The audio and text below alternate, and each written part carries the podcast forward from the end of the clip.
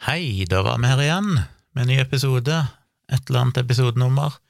Spill dette inn mandag 11. oktober på kvelden, mye tidligere enn vanlig, fordi jeg eh, venter en gjest litt seinere, så tenkte jeg må få gjort unna dette her før det blir for seint.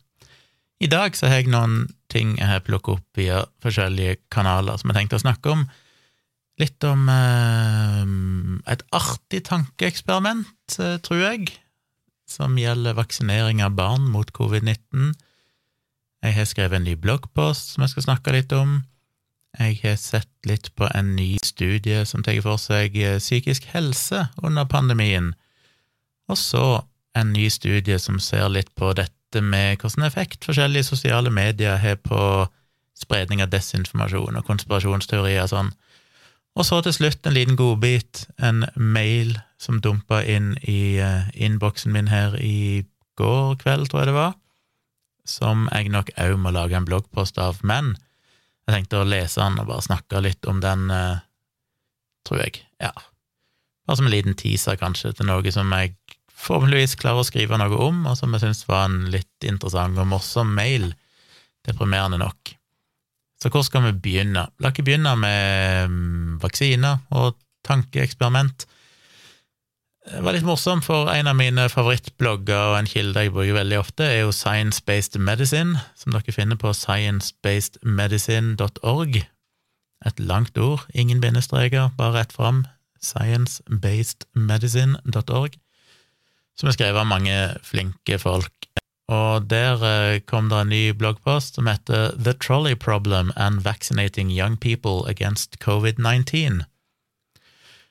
Og det er en litt sånn interessant problemstilling, fordi jeg blogga jo sjøl tilbake i mars i år, like etter at det ble kjent at det muligens var noen alvorlige bivirkninger fra AstraZeneca-vaksinen, før vaksinen var bestemt stoppa så kasta jeg meg rundt og skrev en bloggpost, og da brukte jeg nettopp det samme premisset, dette her med trolley problem. Og for dere som ikke kjenner trolley problem, eh, jeg må vel nesten bare nevne hva det er, selv om de fleste av dere sikkert vet det, men det er så dumt hvis ikke dere vet det. Kan jo google det, men, men det er jo det klassiske tankeeksperimentet med du har en jernbane, og der kommer det ei jernbanevogn trillende ukontrollert, Litt framme så er det en sånn deling i jernbanen og en eh, hendel du kan dra i, som da vil pense togvogna over på et sidespor. På det sporet som går rett fram, altså hvis ikke du gjør noe, så er det en gruppe på fem personer som aner fred og ingen fare, mens på det sidesporet så er det én person som står i skinnene. Det betyr hvis du står der da med denne hendelen og ser at denne her kommer rullende nedover og vet at hvis den fortsetter rett fram, så kommer de fem personene til å bli drept. Men du har jo muligheten til å dra i denne her hendelen, som da vil pense eh, vogna over på sidesporet, og da blir bare én drept. Men den ene personen var jo egentlig ikke i fare i utgangspunktet. Han ville ikke blitt drept hvis ikke du grep inn. Så hva er det riktig å gjøre? Er det riktig å gripe inn og da basically aktivt drepe en person som ellers ikke ville vært i fare, for å redde de fem livene? Eller er det best å si at her kan du, kan, du kan ikke stoppe denne vogna, og de fem personene de står der, og dette er jo på en måte ikke ditt problem, sånn at eh, hvis du bare lar vogna gå fram, så dreper du fem personer. Veldig mange i sånne undersøkelser som blir gjort rundt om i hele verden på dette trolley problem, så er det vel ofte en overvekt av folk som mener at jo, de ville dratt i hendelen. Det er bedre at bare én person dør, enn at de fem personene dør, for det bare føles som et bedre utfall. Du sparer på en måte indirekte fire menneskeliv gjennom handlingen din, selv om en stakkars uskyldig da blir drept som ellers ikke vil det.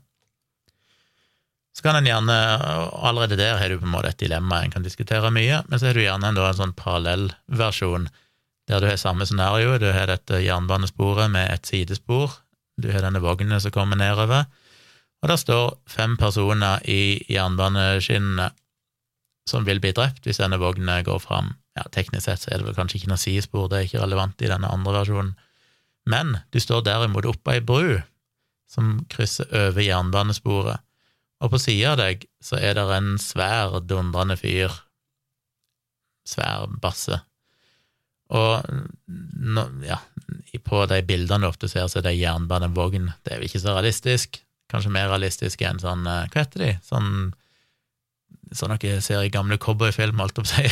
Sånn ei lita tralle med en sånn eh, jekk på midten, alt opp seg, eller sånn, eh, hva heter det? Ja, som du kan eh, kjøre bortover jernbaneskinnet med. Litt mindre dings, iallfall. Og da er jo igjen det samme dilemmaet, at hvis ikke du gjør noen ting, så vil denne her fare framover på skinnene og drepe de fem personene som aner fred og ingen fare, men du kan dytte denne svære, tunge mannen på sida av deg ifra brua og ned på jernbaneskinnet, og det vil da blokkere og stoppe opp denne vogna. Utfallet er jo egentlig akkurat det samme som i det første eksempelet. Én person vil dø, og du redder fem liv. Men vil du ha dytta denne mannen ned jernbanesporet? Og der svarer jo da gjerne mange, mange færre at de ville gjort det. Selv om resultatet til slutt er jo akkurat det samme. Én uskyldig person dør for å redde fem, men ja, Så kan en jo diskutere psykologien i det, men psykologien er vel gjerne denne her splitten mellom indirekte handlinger og direkte handlinger, på en måte. At uh, det kan du egentlig gjøre ut ifra det første eksempelet òg. Altså, det må ikke gjøre noen ting, så dreper du fem personer Eller du dreper ikke fem personer. Eller gjør du det? Dreper du fem personer ved å ikke gripe inn? Eller er det ikke ditt problem? De fem personene ville blitt drept hvis ikke du var der uansett, så det er på en måte ikke ditt, uh, ditt ansvar men hvis du drar i hendelen, så dreper du én person. Men for mange så føles det som en mer indirekte handling. Det er jo ikke du som dreper den personen på skinnene, du bare drar i en hendel, og så penser vogna over på sidesporet, og da dreper en person.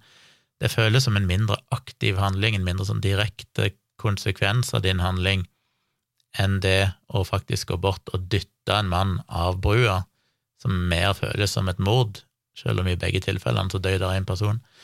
Så iallfall. Det er en sånn eh, klassisk psykologisk eller filosof, filosofisk og for så vidt psykologisk eh, tankeeksperiment som en kan eh, diskutere mye ut ifra. Og jeg syns det er veldig, veldig fascinerende, eh, fordi det sier så mye om, om, hvordan vi ser på disse tingene. Eh, det minner meg jo litt om eh, Vi kom jo med en ny episode av Virkelig grusomt tidligere i dag, som dere bør høre. Og der òg snakker vi litt om industrien, altså eh, fabrikker, svære firma som gjør ting som dreper mennesker. Så er jo spørsmålet er det like ille som å gå ut og myrde noen med kniv. La ikke si du er lederen i et svært firma som slipper ut en eller annen giftig mm, substans i ei elv, et eller annet fra et renseanlegg eller noe sånt.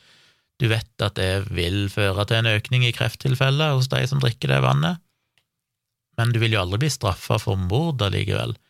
Hvis det blir oppdaga, så, så, blir det ikke beregna på samme måten som at du hadde gått ut med pistol og skutt 100 personer, selv om du har ansvaret for å tillate at det blir sluppet ut en gift som kanskje gir 100 personer dødelig kreft over tid. Så kan en jo dra det enda lenger, og noen gjør jo det, med tanke på petroleumsindustrien. Hvis du er med og bidrar til global oppvarming på en sånn måte at gjennom å å eh, produsere olje og gass, som vi vet tar tusenvis, titusenvis av liv bare i Europa hvert år. Sannsynligvis millioner, egentlig, på, på verdensbasis, både gjennom forurensning, lungesykdommer, alt som følger med, og òg at havet stiger, og eh, ekstremvær og alt mulig sånn. Eh, hvordan skal en se på det? Du dreper jo sannsynligvis mange, mange flere mennesker ved å være ansvarlig for å tjene deg rik på å forurense verden, fucke opp klimaet. Eh, du dreper mange flere mennesker, men du vil jo aldri bli straffa på samme måten som at hvis du hadde gått ut på gata og bare knivstukket en random person. Og selvfølgelig i det der global oppvarming, eh, petroleumsindustrieksperimentet, så kan vi jo like godt si at vi alle er skyldige. Hver gang du tar en flyreise, så bidrar jo du til å forurense. Uh, slippe ut CO2 alt du gjør, slipper ut CO2. Så det, det er liksom sånne gråsoner her, men det er litt rart hvorfor vi ser på det ene som verre enn det andre. For sånn rent utilitaristisk sett så er jo ende, altså utfallet, er jo det samme. Eh, så lenge det forutsetter at du visste hva du gjorde, liksom. Hvis du ikke ante at det der var forurensende og sånn, så er det én ting, men hvis du vet at ok, du har fått advart om at hvis vi slipper ut denne her, dette kjemikaliet i elva her, så kommer så og så mange personer statistisk sett til å dø av kreft i løpet av de neste 20 årene. Da så velger du at ja, ja, fuck it, vi velger profitt. Hvorfor, hvorfor, blir du ikke straffa for mord, da? Og det er jo selvfølgelig en kompleks diskusjon, men det sier jo litt om hvordan vi ser på disse tingene, at vi ser på det så mye verre å drepe noen direkte enn å gjøre det indirekte. Og det er jo det dette trolley problem-eksperimentet, eller bildet, da, egentlig illustrerer på en veldig fin måte. Og folk har en tendens til å tenke veldig likt, at de gjerne drar i denne hendelen for å redde fem liv mot at du ofrer ett, men i veldig liten grad så er folk villige til å dytte en person av denne brua for å stoppe vogna. Så det er interessant. Og så kan du da overføre det til vaksiner. Og nå i covid-19 så har det dukket opp et, uh, en ny bivirkning ikke så veldig ny nå lenger, dere kjenner vel til det, de fleste. Dette her med myokarditt og perikarditt, primært hos unge menn. Og det har jo da mange brukt som argument for at kanskje vi ikke skal vaksinere unge folk, ja, iallfall ikke folk mellom eksempel 15 og 18 år, kanskje. Kanskje de ikke trenger vaksine, for det, de har så liten risiko for covid-19 i utgangspunktet og kanskje den risikoen ved å få myokarditt eller perikarditt er større.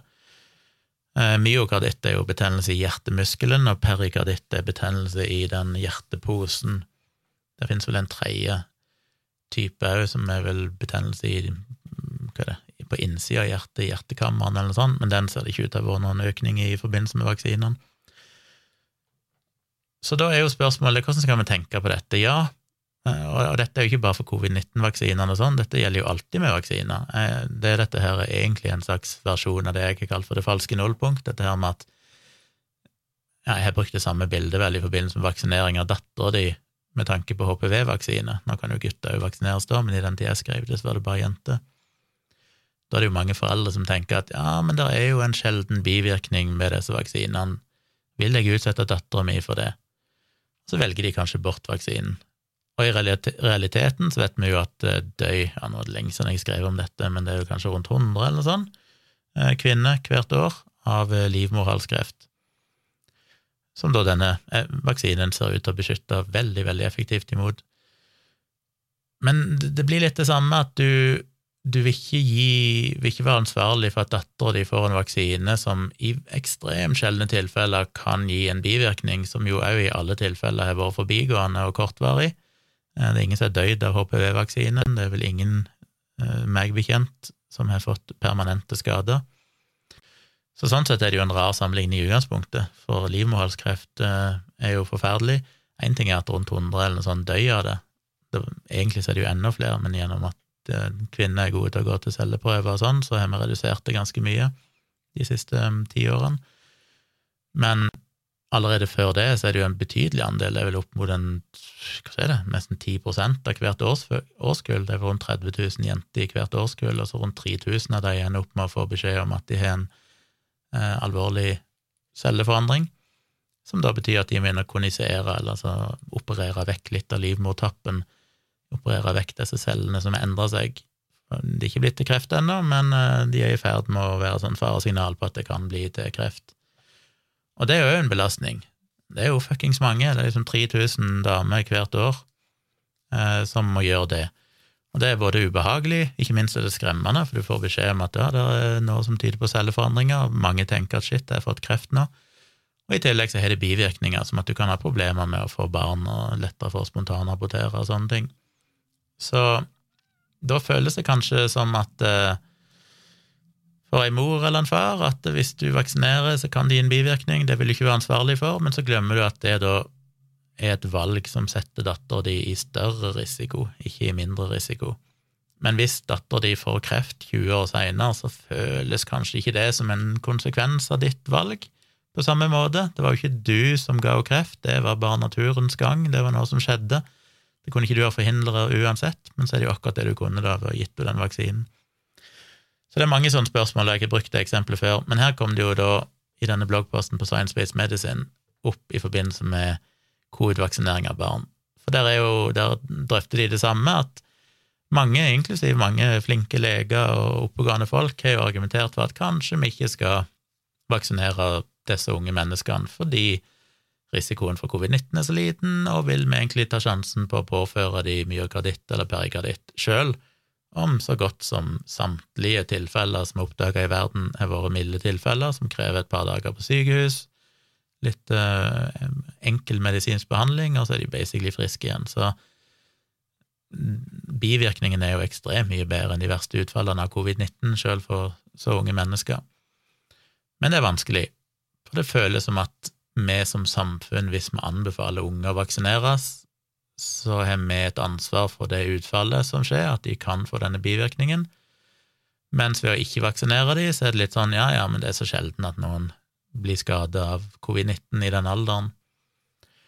Og da syns jeg det var litt interessant at helt på slutten av teksten så har han gjort et lite tankeeksperiment som, han, eh, som jeg egentlig syns var litt fin for å på en måte snu opp ned på hele diskusjonen. Og den går sånn som dette. Tenk deg en verden der alle barn er født med en perfekt immunitet mot covid-19. Ingen kan altså få covid-19, vi er immune mot det. Men det er en pris å betale for den immuniteten. Det viser seg at rundt én av 8000 gutter vil utvikle myokarditt når de kommer i puberteten. Og det tallet er ikke tilfeldig valgt, for det er vel cirka det de har funnet ut, at uh, andelen som får det fra covid-vaksinene, 1 8000. Um, det vil føre til at når de kommer i prioriteten, altså, så vil 1 8000 få myokarditt, som gjør at de havner på sykehuset i to-tre dager, men stort sett alle blir helt friske igjen med enkel behandling. Men så kommer det en fantastisk lege som utvikler en ny medisin som kan forhindre myokarditt. Men den medisinen har òg en bivirkning, og det er nemlig at hvis du gir dem den medisinen mot myokarditt, basically en slags vaksine mot myokarditt, så mister de immuniteten mot covid-19. Og Det betyr i praksis at hvis vi da begynner å vaksinere alle unger mot myokarditt, så vil ingen av de få myokarditt lenger. Men til gjengjeld så vil de da være utsatt for å få covid-19, for de mister all immuniteten. Og det betyr jo fortsatt at det vil gå helt fint for de aller fleste. De fleste vil jo ikke bli smitta, eller hvis de blir smitta, så ender de opp med å klare seg helt fint. De blir ikke alvorlig syke av covid-19, for de er unge, sterke, friske folk. Men øh, Samtidig så vil vi jo se en økning i sykehusinnleggelser fra covid-19, og noen veldig få de vil bli alvorlig syke, havne på intensiven, kreve intubering, eh, oksygentilførsel. Noen av de vil få long covid og føle seg dårlig og svekka i ukevis eller månedsvis, kanskje år. Og en annen ting er at de som denne, får denne vaksinen eller denne medisinen mot myokarditt, vil òg nå være i risiko for å få den myokarditten som skyldes eh, virus, eh, som jo vi vet i dag at mange av de som, eller ikke mange, men mange flere av de som får covid-19, ender opp med myokarditt enn de som får de fra vaksinen. Så en virusinfeksjon kan trigge myokarditt, og det vil jo fortsatt være risiko, for denne medisinen, den hypotetiske medisinen, den beskytter bare den der medfødte myokarditten som 1 8000 får, men du kan fortsatt få det for en virusinfeksjon, og det vil kunne være livstruende for noen av de, fordi det vi òg vet, at de som får myokarditt eller perikarditt fra covid-19, er ofte mye mer alvorlig enn det som kommer fra vaksinene. Der har det vært tilfeller av folk som er døde av det, og folk som har måttet hatt hjertetransplantasjon og sånne ting. Det har en jo aldri sett ifra eh, vaksinene. Så hvis du gir denne medisinen da, som gjør at de ikke vil få denne naturlige myokarditten, men da vil miste immuniteten mot covid-19, så er det jo høyere risiko, og i tillegg til at de kan få covid-19 med alt det det medfører, så vil òg tusenvis av unger få det som kalles for MIS-C, som òg har ganske dramatiske utfall med tanke på økt risiko for hjertesykdom, og noen hundre, hvis dette var i USA, da, det være færre i Norge, men i USA så vil en jo da se at hundrevis av unger vil dø av covid-19 over ei viss tid. Hva er da verst? Jeg synes det er interessant å, å, snu det på den måten, for da føles det jo plutselig som at det ikke er det å vaksinere noen mot covid-19 som er det farlige, men derimot å Hvis du snur på det som at de egentlig var immune mot covid-19, og du heller vaksinerer dem mot en sånn medfødt uh, risiko for myokarditt, så oppdager du plutselig at det er jo et mye verre scenario. Fordi det at én av 8000 som blir vaksinert, får en mild form for myokarditt som går over i løpet av et par dager med enkel behandling, er jo ikke så ille. Det er alvorlig, skulle ønske det ikke var sånn, og i en perfekt verden så ønsker vi ikke å påføre noen det, men det er jo som jeg alltid sier, dette falske nullpunktet, at hvis alternativet var at ja, ja, da gir vi ikke vaksinene, så slipper de jo denne risikoen for myokarditt, så var jo alt veldig enkelt. Problemet er at det er jo aldri null på andre sida. På den andre sida av, av denne vurderinga så er det jo alltid en annen risiko du veier opp mot, og det er jo risikoen for covid-19, som da er betydelig høyere enn risikoen for myokarditt og perikarditt når du snur det på hodet på den måten. Så jeg bare syns det var litt sånn interessant å bare vende om på hele det bildet.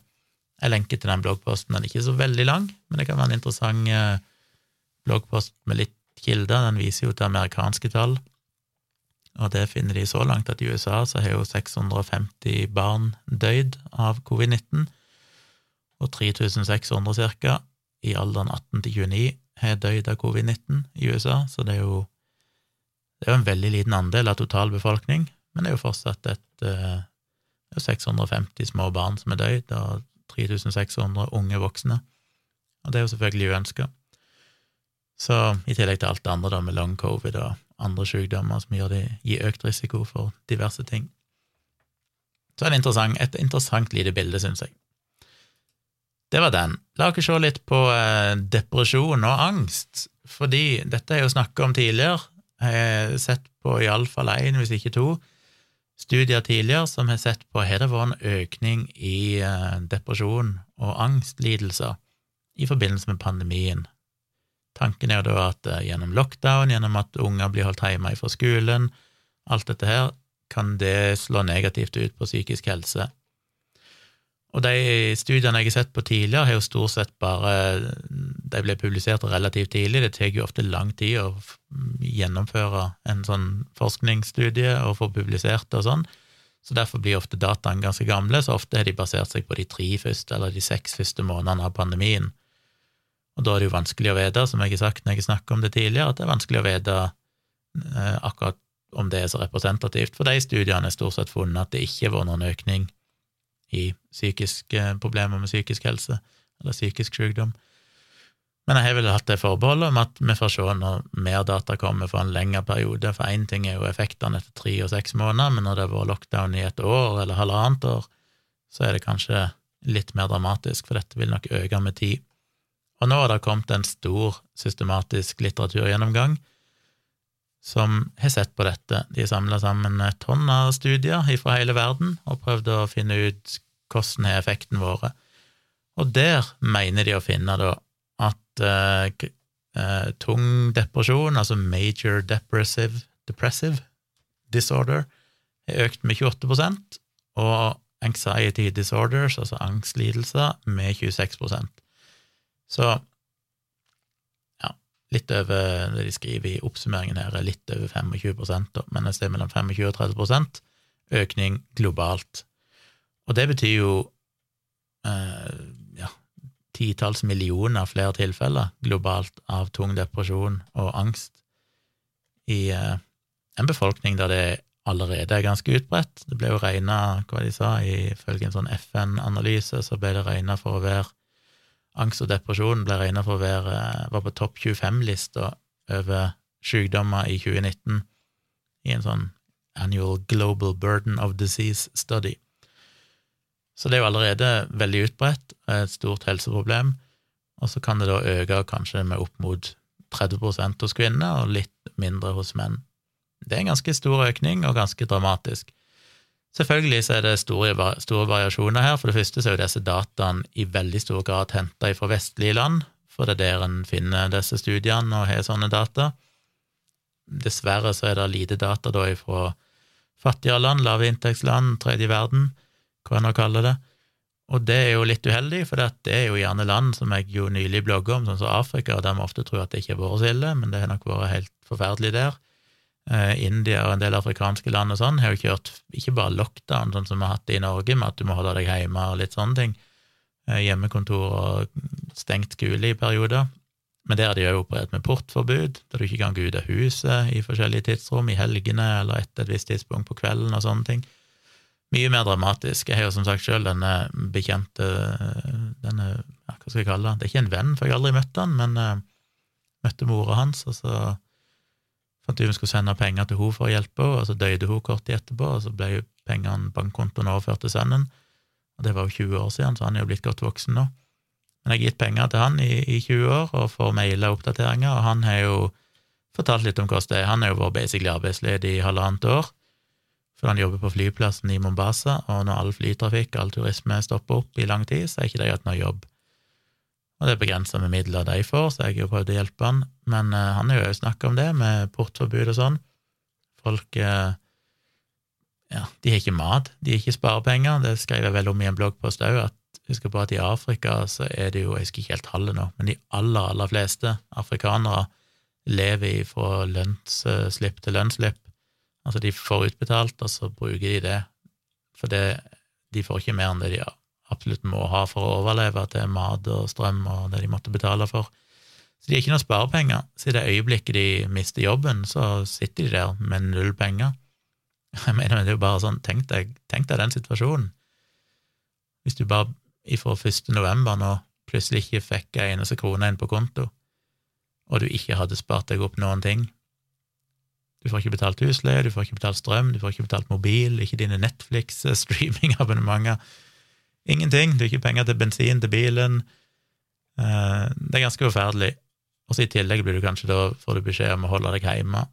Du får ikke Gud å handle, du får ikke gått til jobb hvis du hadde hatt en jobb. Alt mulig. Og på toppen av det hele så er det jo sånn som han forteller om, at hvis du da gjenger ut, så risikerer du at politiet finner deg og banker deg opp og kaster deg i fengsel. Og han har jo fortalt om at det er jo et valg noen har valgt å ta, fordi hvis de havner i fengsel, så får de i det minste et måltid mat, i motsetning til å sulte hjemme. Så det er jo litt av hvor tragisk dette er, og du kan jo tenke deg da hvordan det har vært. Uh, han er jo ei lita datter, og hun, skolen ble jo stengt, så hun fikk jo ikke gå på skolen i lang tid. Han prøvde å betale for en sånn privatlærer som skulle komme hjem til dem og gi henne undervisning en dag i uka, men så hadde han ikke råd til det, så jeg sendte han en del penger så han kunne prøve å betale for at hun fikk litt undervisning. Men det er jo mye mer dramatisk enn det er her. Her sitter jo folk og har hjemmeskole over internett, i det minste, de får i hvert fall noe. Mens der er det jo bare sånn, ja, du får ikke gå på skolen, og nå skjer det ingenting. Og skal du tilbake igjen, så må du ha penger for å kunne betale skole det det koster å sende ungen din på skole, eller betale for privatundervisning, et eller annet. Det er jo helt ekstremt. Så bare, det er liksom viktig å ha de tingene i bakover, at det er mye verre andre plasser. Og det er mye data på, så det kan jo òg bety at eh, effekten på psykisk helse har vært enda mer dramatisk i sånne land? Det vet vi ikke. Men iallfall disse dataene er primært fra den vestlige verden. Så sier de jo at det har variert mye fra land til land, og dette er jo liksom globale tall, men det er klart det, er nok en forskjell kanskje på Spania og Italia og Norge og Sverige. Um, fordi det har vært varierende grad av lockdown, uh, varierende hvor strengt det har vært og sånne ting, så det vil òg virke inn, da, men sånn, så en kan ikke si at det har vært en 25 eller 30% økning i Norge, det vet vi jo ikke, men sånn globalt sett så har det, det det. Basert på all den forskningen de har gått gjennom. Så igjen, dette er jo en, en studie, det er jo en eh, Nå har ikke jeg kompetanse til å gå inn og vurdere all forskningen her og se om det holder vann, så må jo alltid holde muligheten åpen for at det kan komme andre tilsvarende analyser som finner noe annet. Men eh, men foreløpig så, så er jo det litt eh, nedslående resultater. Så er jo spørsmålet om det er noe som vil vare, da, om det er sånn at når ting åpner opp igjen, så går ting litt tilbake til normalen, eller er dette folk som permanent vil lide med dette over lang tid? Vanskelig å si. Men det var i hvert fall interessant, jeg følte jeg måtte dele det med dere. Og så, enda en studie. Her er det mye studier en studie som bare dukket opp i Twitter-feeden min, som jeg syntes var litt morsomt, fordi eh, det er en studie som heter Does the platform matter? Social media and COVID-19 conspiracy theory believes in 17 countries. Og det er basically en eh, studie der de har sett på effekten av sosiale medier på eh, spredning av desinformasjon og konspirasjonsteorier, men istedenfor bare liksom lempe alt sammen, lompe, klumpe lump everything together, hva heter det på norsk? Eh, kaste alt i samme mm, kurv Nei, det er ikke noe uttrykk. Ja, anyway. Eh, Istedenfor bare å se på sosiale medier som én ting, så har de prøvd å se på er det forskjell fra plattform til plattform. Og da har de sett på Nå må jeg finne igjen det, da, alle de har sett på her. De har sett på eh, Messenger, WhatsApp, YouTube, Twitter og Facebook. Og hvis dere er interessert i dette, så, så lenker jeg til denne studien i shownotes, så dere kan gå inn og lese. Det er en ganske lang tekst, og det er jo akademisk. Eh, men som med sånne artikler, forskningsartikler ofte er, så er det jo at du begynner med et slags å forklare hva er grunnen til at vi gjør denne studien, hva vet vi fra før, hva har tidligere forskning vist? Så jeg drøfter på en måte det, og så kommer de da fram til noen hypoteser de vil teste. Og det er vel egentlig fire hypoteser. Den ene er at det er en negativ sammenheng mellom å bruke Twitter for nyheter og det å holde eller tro på konspirasjonsteorier om covid-19 spesifikt. Og husk at når vi sier en negativ sammenheng, så betyr det at uh, på en måte det er positivt. altså det betyr at du har mindre konspirasjonsteorier. Det er fort gjort å tenke at en negativ sammenheng, det betyr at oi, det blir verre. Men i dette tilfellet er det positivt. En negativ sammenheng betyr at mindre, at du har mindre tro på konspirasjonsteorier. Hypotese nummer to er at det er en positiv sammenheng mellom å bruke Facebook for å få nyheter, og det å tro på konspirasjonsteorier om covid-19. Så positiv betyr altså at du får mer, eller tror mer på disse covid-konspirasjonene.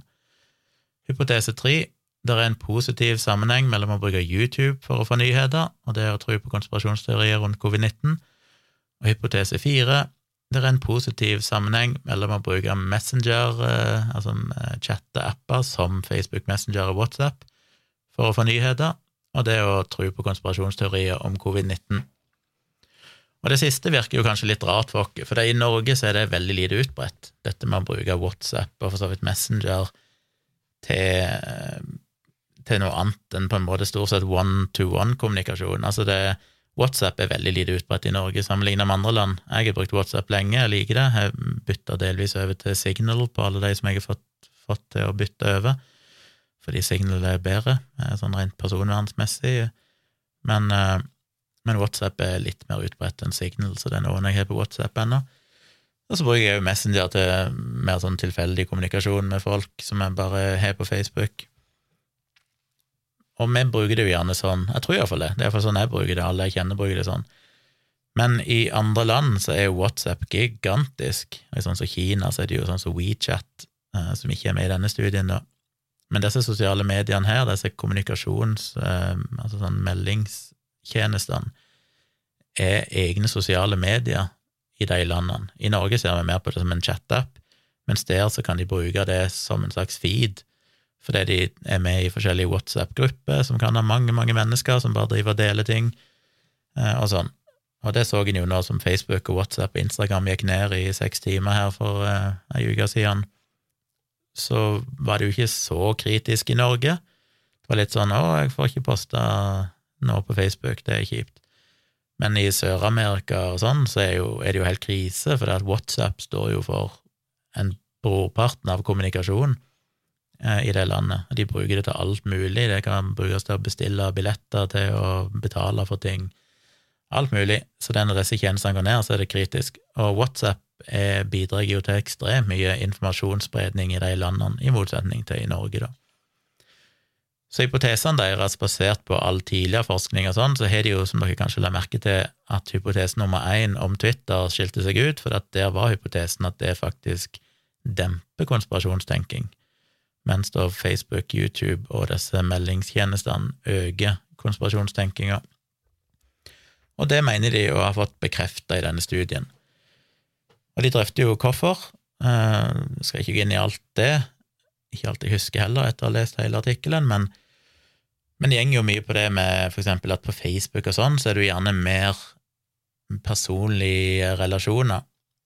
Du har gjerne venner og familie og sånn, og hvis du ser noen poste noe konspirasjonsgreier, så er kanskje terskelen mye høyere for å gå inn og si at øy, dette her stemmer ikke, fordi du ikke har lyst til å ødelegge vennskap, du ikke har lyst til å, å liksom fucke opp stemninger med folk du, som står deg nær. Mens på Twitter så er det mye mer upersonlig, og folk er mye større Det er mye mer sånn at folk søker informasjon fra profesjonelle, fra eksperter, fra nyhetsnettverk og sånne ting. Og det kjenner vi jo veldig igjen i. På Facebook så er det jo basically bare piss. Jeg får stort sett bare innhold fra venner og kjente. Det er mye bra selvfølgelig òg, men, men, det er jo ikke Det er jo på en måte bare det vanlige folk på en måte deler.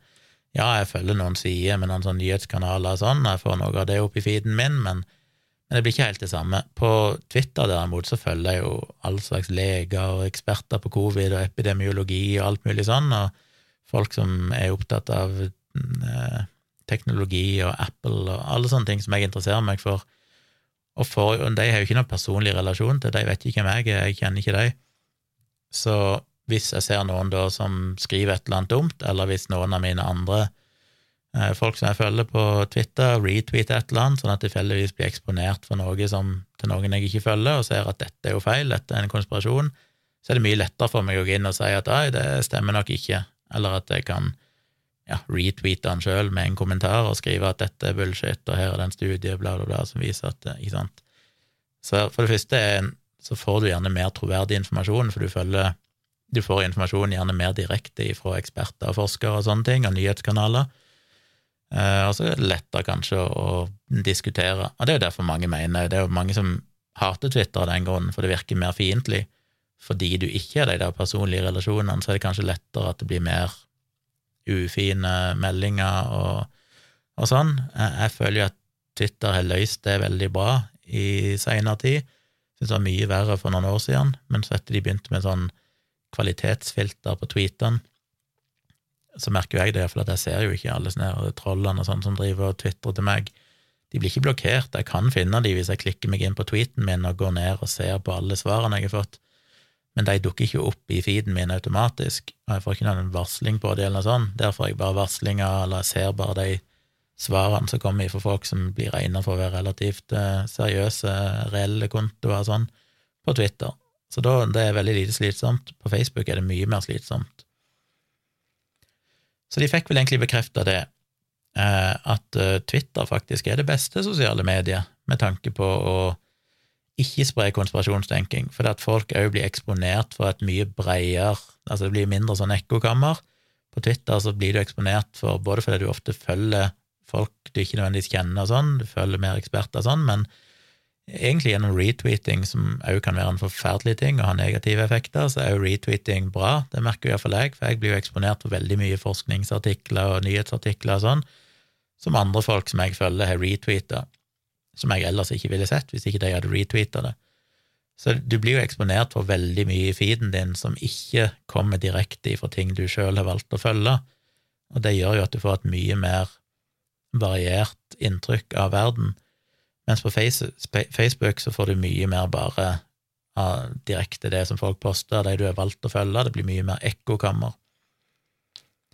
På YouTube så er det litt mer komplekst, for der snakker de mer om at uh, YouTube på en måte er jo mer som Twitter, fordi du har ikke noen personlig relasjon som regel med de folkene du følger på YouTube og, og videoene du ser.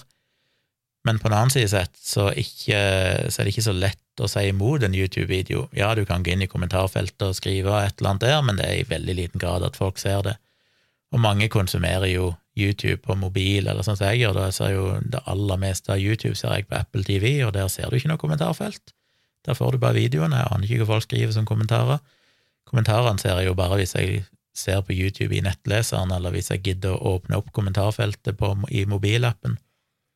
Så det eh, mener de da er grunnen til at YouTube òg sprer mye konspirasjonsteorier og sånn, fordi at du får ikke sagt imot det. Og det er jo en del statistikk da på hvor mye av disse innholdet på forskjellige plattformene som viser seg inneholder konspirasjonsteorier om eksempel covid-19 og sånn, som jeg ikke skal gå inn på nå. Eh, I tillegg så diskuterer de selvfølgelig dette med moder modereringer, og der trekker de jo fram at Twitter var veldig tidlig ute, i motsetning til de andre sosiale mediene, med å faktisk moderere innhold, fjerne ting, fjerne kontoer som streid mot reglene deres, eh, legge inn en sånn merkelapp om at dette er informasjon som strider mot offisiell informasjon og sånn, og les mer her på CDC eller FHI eller hva det måtte være. Dere husker vel at Trump fikk jo noen tweets eh, merka med at dette var feil informasjon og sånn, før han til slutt ble fjerna helt fra Twitter og så fulgte jo noen andre plattformer etter etter hvert. Men Twitter har vært tidlig ute, og de har vært gode på det. Ikke gode nok, de har fått mye kritikk, det er mye å kritisere de for, men eh, sammenlignet med Facebook og sånn, så er Twitter vært gode.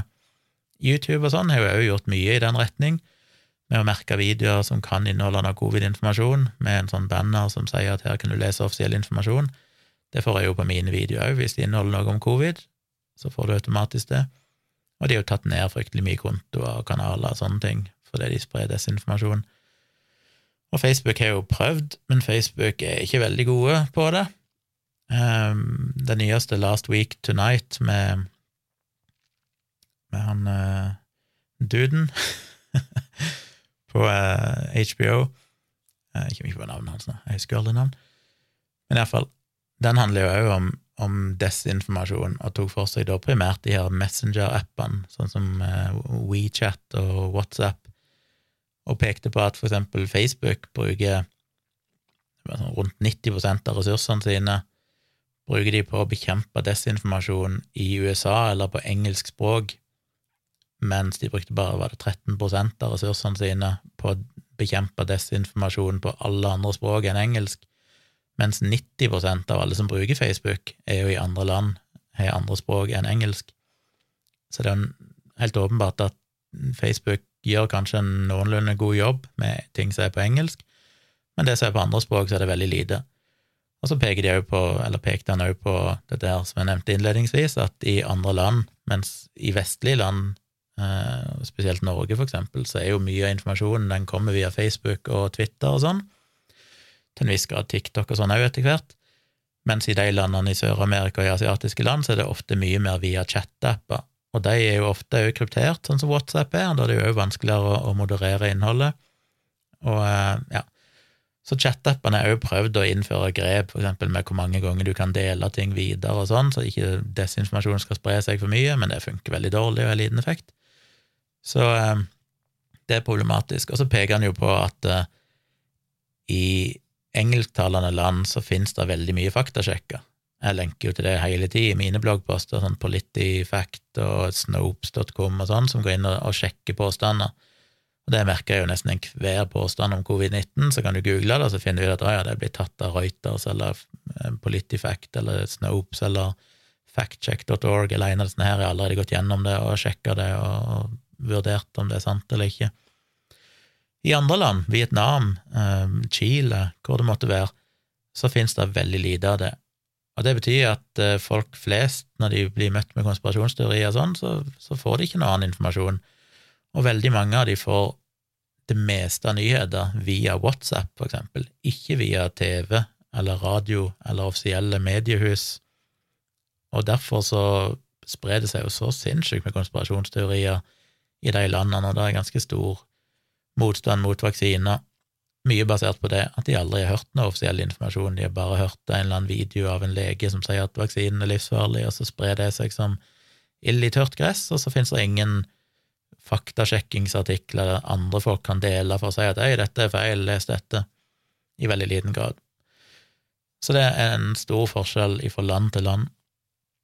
Ja, skal ikke si så mye mer om det, jeg skal lenke til studien hvis dere vil lese den, men kort sagt, eh, jeg synes det var interessant, for jeg har aldri tenkt på det før. Jeg trodde kanskje at Twitter var like ille som andre ting med å spre desinformasjon, men eh, det ga jo egentlig mening, det de kommer fram til i artikkelen her.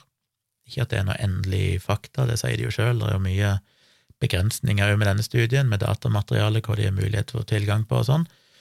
Men de landene som ble undersøkt, var Østerrike, Belgia, Danmark, Frankrike, Tyskland, Hellas, Ungarn, Israel, Italia, Nederland, Norge, Polen, Romania, Spania, Sverige og eh, Sveits og Storbritannia.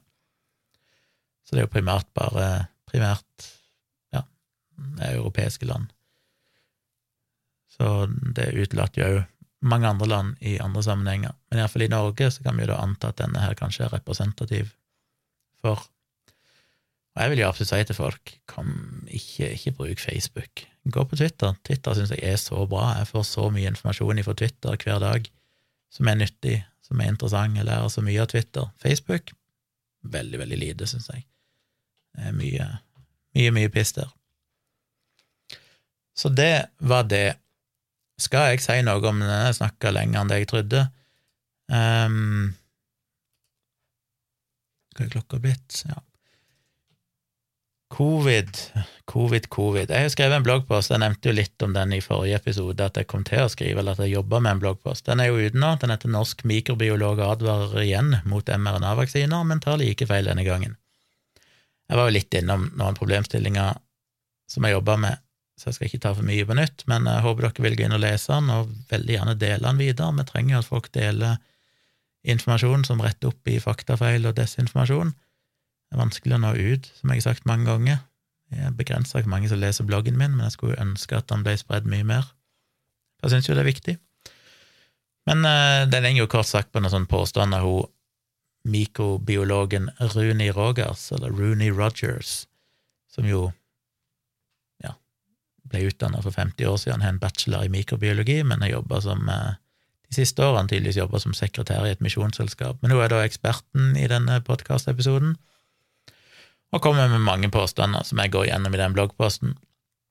Det har vært en sånn bloggpost under utvikling òg, hvis dere leste den veldig kort tid etter jeg publiserte den, så er det kommet et par større oppdateringer, fordi jeg har fått tips av andre om informasjonen, og så har jeg funnet ut litt mer, og så har jeg laga en sånn røde faktabokser underveis med oppdateringer dere kan lese hvis ikke dere har fått med dere siste versjon. Det er iallfall to sånne per nå, en ganske tidlig og en ganske mot slutten, med litt oppdateringer.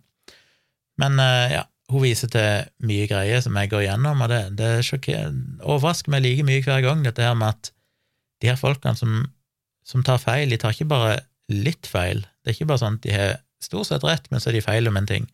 Men når de først er på den sida av debatten, så tar de feil om alt. Det er liksom ikke en eneste ting hun sier som ikke er feil. Det er noen ting som hun er inne på noe riktig, men så klarer hun likevel å misbruke det til noe som er feil. Og det overrasker meg aldri. Jeg, jeg må av og til ta meg sjøl i nakken og tenke sånn, er det jeg som er for negativ nå? Hvordan kan jeg hvordan er jeg liksom bare fanatisk på at jeg skal finne ut at alt hun sier, er feil? Men når jeg researcher ting, så er jo alt hun sier, feil. Og det er bare sjokkerende at du kan leve i en så parallell virkelighet at du bare Hver eneste ting du kan ha en mening om, eller ha to meninger om, så velger de den som er feil, på en måte. De velger å tviholde på kilder som er helt sjokkerende dårlige, i tillegg til at på tross av at du da skal ha en bachelor i mikrobiologi, ser ut til å ha misforstått forferdelig mye av hvordan verden fungerer. Det er ganske sjokkerende. Men jeg fant jo en del interessant informasjon når jeg researcher dette, det er jo derfor jeg gjør det, jeg lærer mye nytt. Så jeg har prøvd å samle det i den bloggposten, så ta gjerne en kikk på den. Jeg tror ikke jeg skal si så mye mer om det, det er ikke så interessant, dere kan gå inn og lese det. Så jeg vil egentlig avslutte med en mail jeg fikk.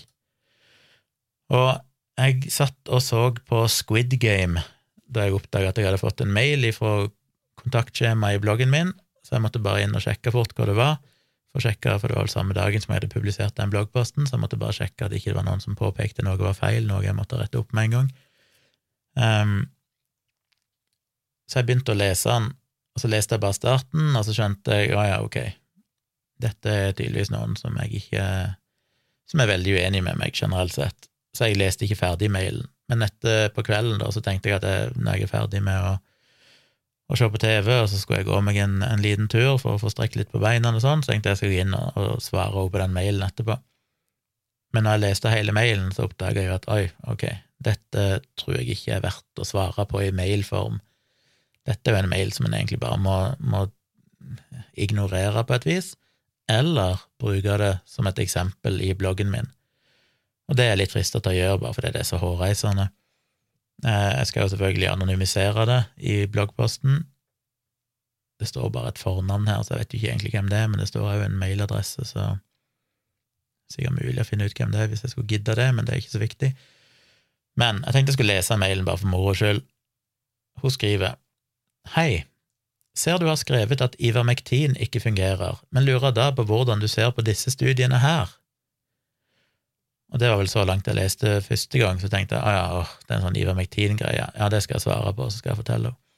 For hun viste jo da til den nettsida som heter ivmmeta.com, som alle bruker, som jo er en Eller alle som kjemper for at Ivermektin nødvendigvis er et vidundermiddel, som basically bare er ei liste over studier på, på Ivermektin, og så kaller de det en slags metaanalyse, altså IVM-meta. fordi de da har gått gjennom og gjort noen statistiske analyser og kommet fram til at uh, ivermektin åpenbart virker fantastisk mot covid-19.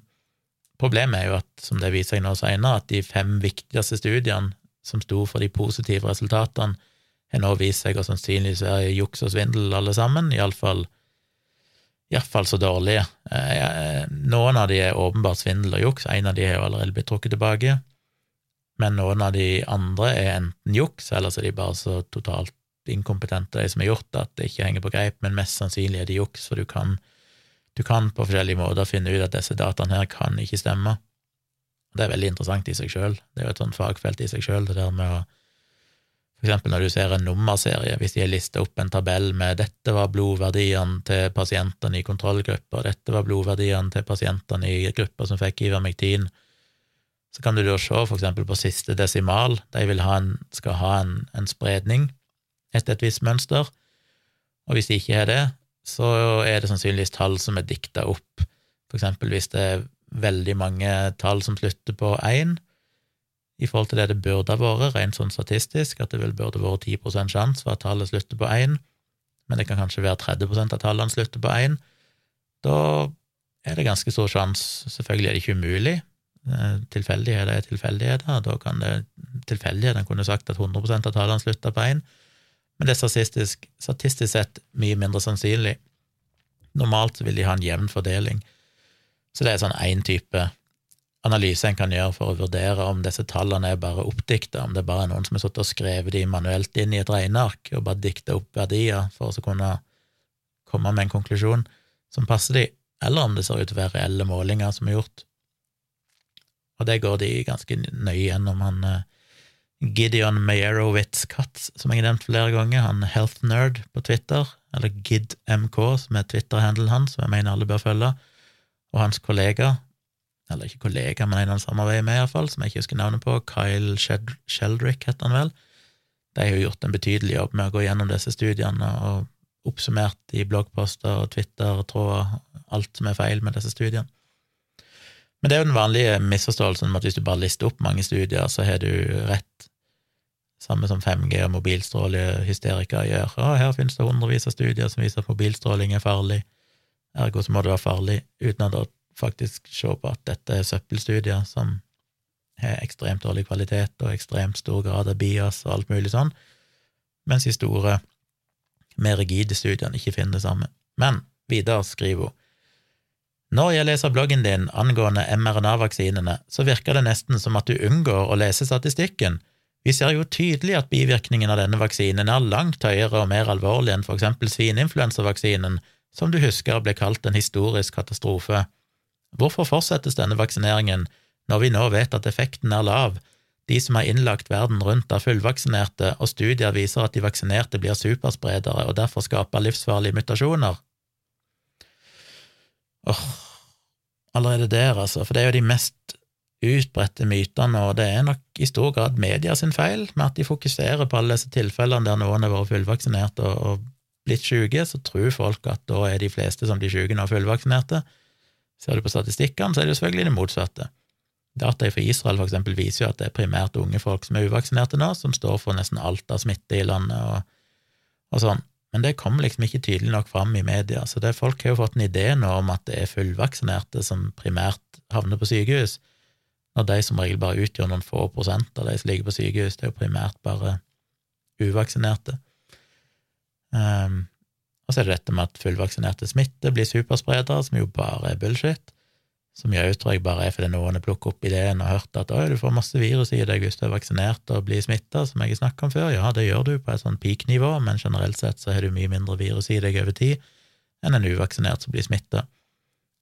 Så du, du, smitter mindre. Og så glemmer de selvfølgelig det òg, med at i tillegg da så er det jo ekstremt mange færre fullvaksinerte som blir smitta i utgangspunktet, sånn at uansett om du hadde smitta like mye, så ville fortsatt vaksineringa redusert smitte kraftig. Og så tror jeg jo på dette her med at det er vaksiner som driver fram livsfarlige mutasjoner, som jo for det første ikke har kommet ennå, så det er jo litt rart å si at det skaper livsfarlige mutasjoner når vi ennå ikke har sett det.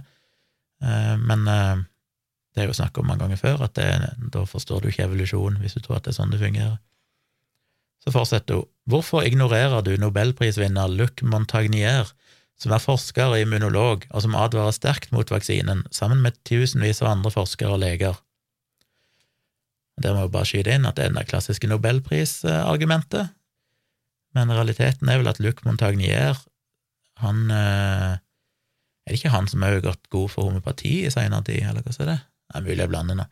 Men du har iallfall noen nobelprisvinnere som har gått ut og, og promotert homopati. Du har jo eh, Linus Pauling, som fikk no, to nobelpriser, vel, eh, som òg var fanatisk på at vitamin C kunne helbrede alt mellom himmel og jord. Så det å ha fått en nobelpris betyr på ingen selvs måte at du er immun mot å spre desinformasjon eller tro på rare ting, spesielt disse ting som er utenfor din eh, spesialkompetanse. Så det er jo litt rart, dette her med at jeg bare skjønner aldri hvordan de tenker disse menneskene. Så ja, la ikke si da at uh, Luc Montagnier, én nobelprisvinner, sier at uh, vaksinen bør ikke tas. Men hva med da de hundrevis av andre nobelprisvinnerne som finnes der ute?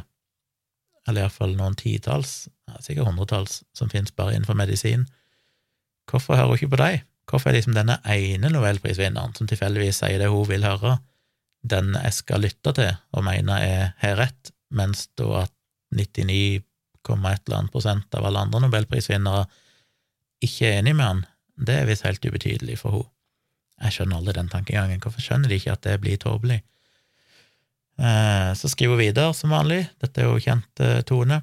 Er du kjøpt og betalt, eller er du bare så dårlig på å lese statistikk og studier? Da må jeg jo bare si, det vel aldri falt henne inn at det kanskje er hun som er helt elendig til å lese statistikk og studier, men så skriver hun videre, og det er når det begynner å bli litt sånn utrivelig. Jeg blir bekymret når du har en så populær blogg og publiserer livsfarlige innlegg. Jeg er ikke et nettroll, og vanligvis kritiserer jeg aldri noen, men nå har du publisert så mye som strider mot all statistikk, så da reagerer jeg voldsomt. Skrev du ikke òg at vaksinen nå er FDA-godkjent? Det stemmer jo ikke. Som jo er jo en rar påstand, for det stemmer jo. FDA godkjente Pfizer-vaksinen i uh, august, 23. august. Så skriver hun videre har du sett denne videoen, så lenker hun til en eller annen YouTube-video som jeg ikke har sett, men jeg ser i tittelen at den inneholder The New World Order, og det høres jo alltid lovende ut når de begynner med sånne New World Order-konspirasjoner. Eh, hva tenker du om den? Jeg er litt usikker om jeg kommer til å ja, Jeg må kanskje se den hvis jeg skal blogge om det. Jeg håper ikke det er en lang video, for det er jo grusomt å se. Så skriver hun videre ja, og nå kommer jo de stygge tingene. Håper du gjør en grundig gjennomgang i det jeg nå har sendt, slik at du slipper å bli holdt ansvarlig nå som Nürnberg-rettssakene har begynt. Oh. Altså, jeg har så mye å dele, men starter her. Vil du ha mer, eller har du bare gjort, gjort deg opp en mening og står fast i kognitiv dissonansdiagnose? Nei, ikke kognitiv dissonans, en diagnose, da, det er jo bare en, eh, en greie, holdt jeg på å si, men, eh, men ok. Og til slutt, Håper du tar deg tid, som sagt. Du er en som når ut, og det du holder på med nå feil, med feilinformasjon, er rett og slett livsfarlig, og du vil derfor bli holdt ansvarlig nå som korthuset holder på å rase. Please read everything. Ja. Så eh, når jeg skriver om innvandring, så har jeg jo blitt trua med at jeg vil bli en av de første som vil bli dømt for landsforræderi når eh, det store oppgjøret mot innvandring kommer, og når jeg skriver om vaksiner, så er jeg tydeligvis òg en av landsforræderne som muligens vil bli fengsla, kanskje henretta, gudene vet, i deres fantasiverden, der det pågår Nürnberg-rettssaker som jo ikke eksisterer, men som de av en eller annen merkelig grunn tror holder på for fullt, og der er mange politikere allerede fengsla, sikkert, og ja, dette er jo vrangforestillinger, og det er jo sånn en egentlig ikke burde vie noe særlig oppmerksomhet, men men siden hun kommer med ting som er så åpenbart feil, og jeg har litt lyst til å svare for jeg blir jo litt provosert. Og jeg har ikke lyst til å svare henne bare i mail, for jeg har lyst til å nå ut til flere, og bruke det som et eksempel, og òg dette her med disse skjulte, ikke så veldig godt skjulte truslene som ligger i mailen òg, er jo eh, interessant å få belyst og vist fram. Så det var det. Jeg skal se om jeg kan få skrevet en bloggpost om det så fort jeg kan. På torsdag så skal jeg jo ha min neste fotoshoot med en ny restaurant. Det blir jo spennende og litt skummelt, som alltid. Ellers så har vi jo eh, sett ganske mye nå av Squid Game. Den føler jeg jo, jeg føler jo med seint ute, for alle har sett den. Og jeg har jo kommet til det punktet der det begynner å dukke opp masse YouTube-videoer nå i feeden min med sånn 15 ting du aldri la merke til da du så Squid Game, og se skuespillerne i Squid Game reacte på bla, bla, bla. Og Det er jo sånn jeg har lyst til å se, men jeg kan ikke se dem, for jeg er redd de spoiler noe, så nå må jeg få sett ferdig serien før jeg kan se på alle de videoene. Hva syns jeg om Squid Game så langt? Forferdelig brutal. Eh, vondt å se tidvis. Vet ikke om jeg bare blir mer pysete med alderen, men uh, jeg trives ikke noe særlig med å se det. Det er jo noe av det mer sånn brutale jeg har sett. Ikke brutalt i den forstand at Ikke ekkelt i den forstand at de viser masse ekle ting og sånn, men mer brutalt med at det er så hensynsløst, at det er bare så brått. Det å ta liv er liksom bare henrettelse etter henrettelse. Ja, så og spesielt den episoden vi har sett nå, jeg, jeg, kan liksom ikke si noe, men det er vel episode var det seks eller sju, der alle blir stilt overfor noen sånne veldig personlige dilemmaer og valg, som òg gjør det ekstra vondt. Og det syns jeg er veldig fascinerende, hvordan vi mennesker er skrudd sammen, hvorfor det er så vondt, den der når du får empati med dem, og du setter deg sjøl inn i en sånn situasjon der du må ta et basically umulig valg om å ofre noen som du har et forhold til, er altså så smertefullt, sånn rent emosjonelt. Um, jeg satt og dvelte litt med det når jeg så på det i går. Det er bare så rart at det kan gjøre vondt i kroppen, på en måte. Det kan være fysisk ubehagelig å bare se, for du vet jo at dette, dette er ikke sant. Dette er skuespill, dette er fiksjon. Det er mennesker du ikke kjenner uansett. Men allikevel så kjenner du det så, så vondt. Hva syns jeg om serien ellers? Nei, den, er jo, den inneholder selvfølgelig mye, mye klisjeer. Eh, tidvis ganske merkelig skuespill, som jeg ikke nødvendigvis syns. Forferdelig bråkete mennesker. Et bråkete språk generelt sett med koreansk. Det veldig så høylytte de er når de snakker. Det er så veldig sånn oh, jeg tror jeg hadde blitt gal av å bo der lenge. Det er ikke som sørlendinger som snakker lavmælt og ikke sier for mye. um, men jeg syns jo han er Jeg er jo definitivt revet med, og verdsetter jo litt at folk er såpass brutale at de jeg syns jo det er en interessant historie, selv om mye avhengig av hvordan det avrundes. Det er mye en kan forutsi. Du vet jo ofte sånn ok, nå kommer den og den personen til å dø, og du vet at den og den personen kommer til å overleve, og du vet at den og den personen kommer til å ofre seg av diverse grunner. Det er mye sånn klisjeer. Jeg likte jo det der med han som har skrevet manus, det virker jo litt som at han nettopp har gått, gått filmskole, holdt jeg på å si, for at i, når du skriver manus eller bøker og sånn, så er det jo et sånt begrep som heter save the cat, eller saving the cat, som betyr at hvis du har en person som egentlig er en drittsekk, men du vil at seeren eller leseren skal føle sympati med han, så må du få han tidlig i historien til å redde en katt for å bli påkjørt, for eksempel. Så du viser at å ja, det er et godt menneske allikevel, han har et hjerte, han bryr seg om dyr. I Squid Game så er det jo bokstavelig talt allerede i første episode, vel, så finner han en katt, og så gir han noe mat til han, en katt som sulter. Det er liksom, det er en saving the cat, for fram til da så har han fremstått som en ganske ufordragelig person, men så vil jo serieskaperen at du skal føle empati med han, og ikke bare ha de en sånn saving the cat-greie i overført betydning, men de har det direkte. Han redder faktisk en katt.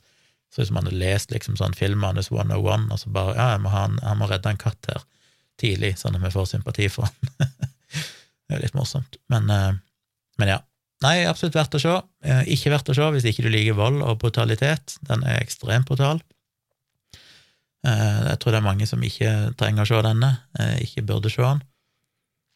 Men hvis du tror du håndterer det, så, så er det sikkert verdt å se. Ikke minst bare fordi at den er blitt så stor at jeg føler av og til at du kommer til et punkt der du nesten må ha sett det, bare fordi at i mange år så kommer det til å være en sånn, sånn populær kulturell referanse. Nei, kanskje ikke i mange år, men i en liten stund framover, med memes og alt mulig. Det, det, er sånn du føler du går glipp av så mye hvis ikke du skjønner hva de refererer til når ikke du har sett det, så det kan være en grunn til å se. Men ellers så venter jeg på jeg vet ikke hvor mange episoder med igjen, det er ikke mange, det nærmer seg jo slutten nå, så jeg er spent på å se hvordan de runder det av, om de klarer å hale det i land, om det er noe høyere budskap. Det skal jo visstnok være et slags sånn politisk høyere budskap i den, som de jo er innom noen ganger, med likhet og urettferdigheten i verden og alt mulig sånn, men kanskje litt sånn påtatt. Vi får se om de klarer å gjøre det bedre. Det tror jeg var dagens episode. Eh, nå skal jeg få kjørt en livestream i morgen kveld, altså tirsdag kveld, 12. oktober. Jeg starter klokka ti, for jeg skal prøve å starte litt tidligere. Så hopp inn på YouTube-kanalen min, Tvilsomt med Tjomli, og følg den, eller inne på Facebook streamer jeg òg.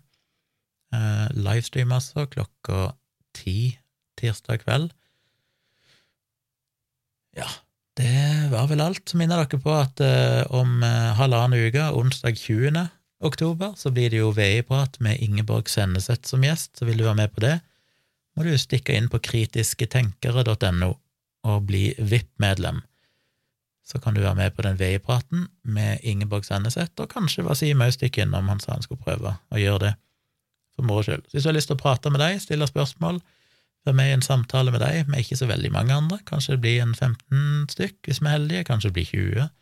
Men det er en relativt liten forsamling som sitter der og prater, så det, det er litt sånn kult. Så hvis du digger Ingeborg, så eh, bli med på det inne på kritisketenkere.no, og bli VIP-medlem, minst, for å kunne delta på det. Det er altså neste onsdag om halvannen uke, ca. 20. oktober. Det tror jeg er alt jeg har å si i dag. Vi høres igjen med en ny episode på fredag.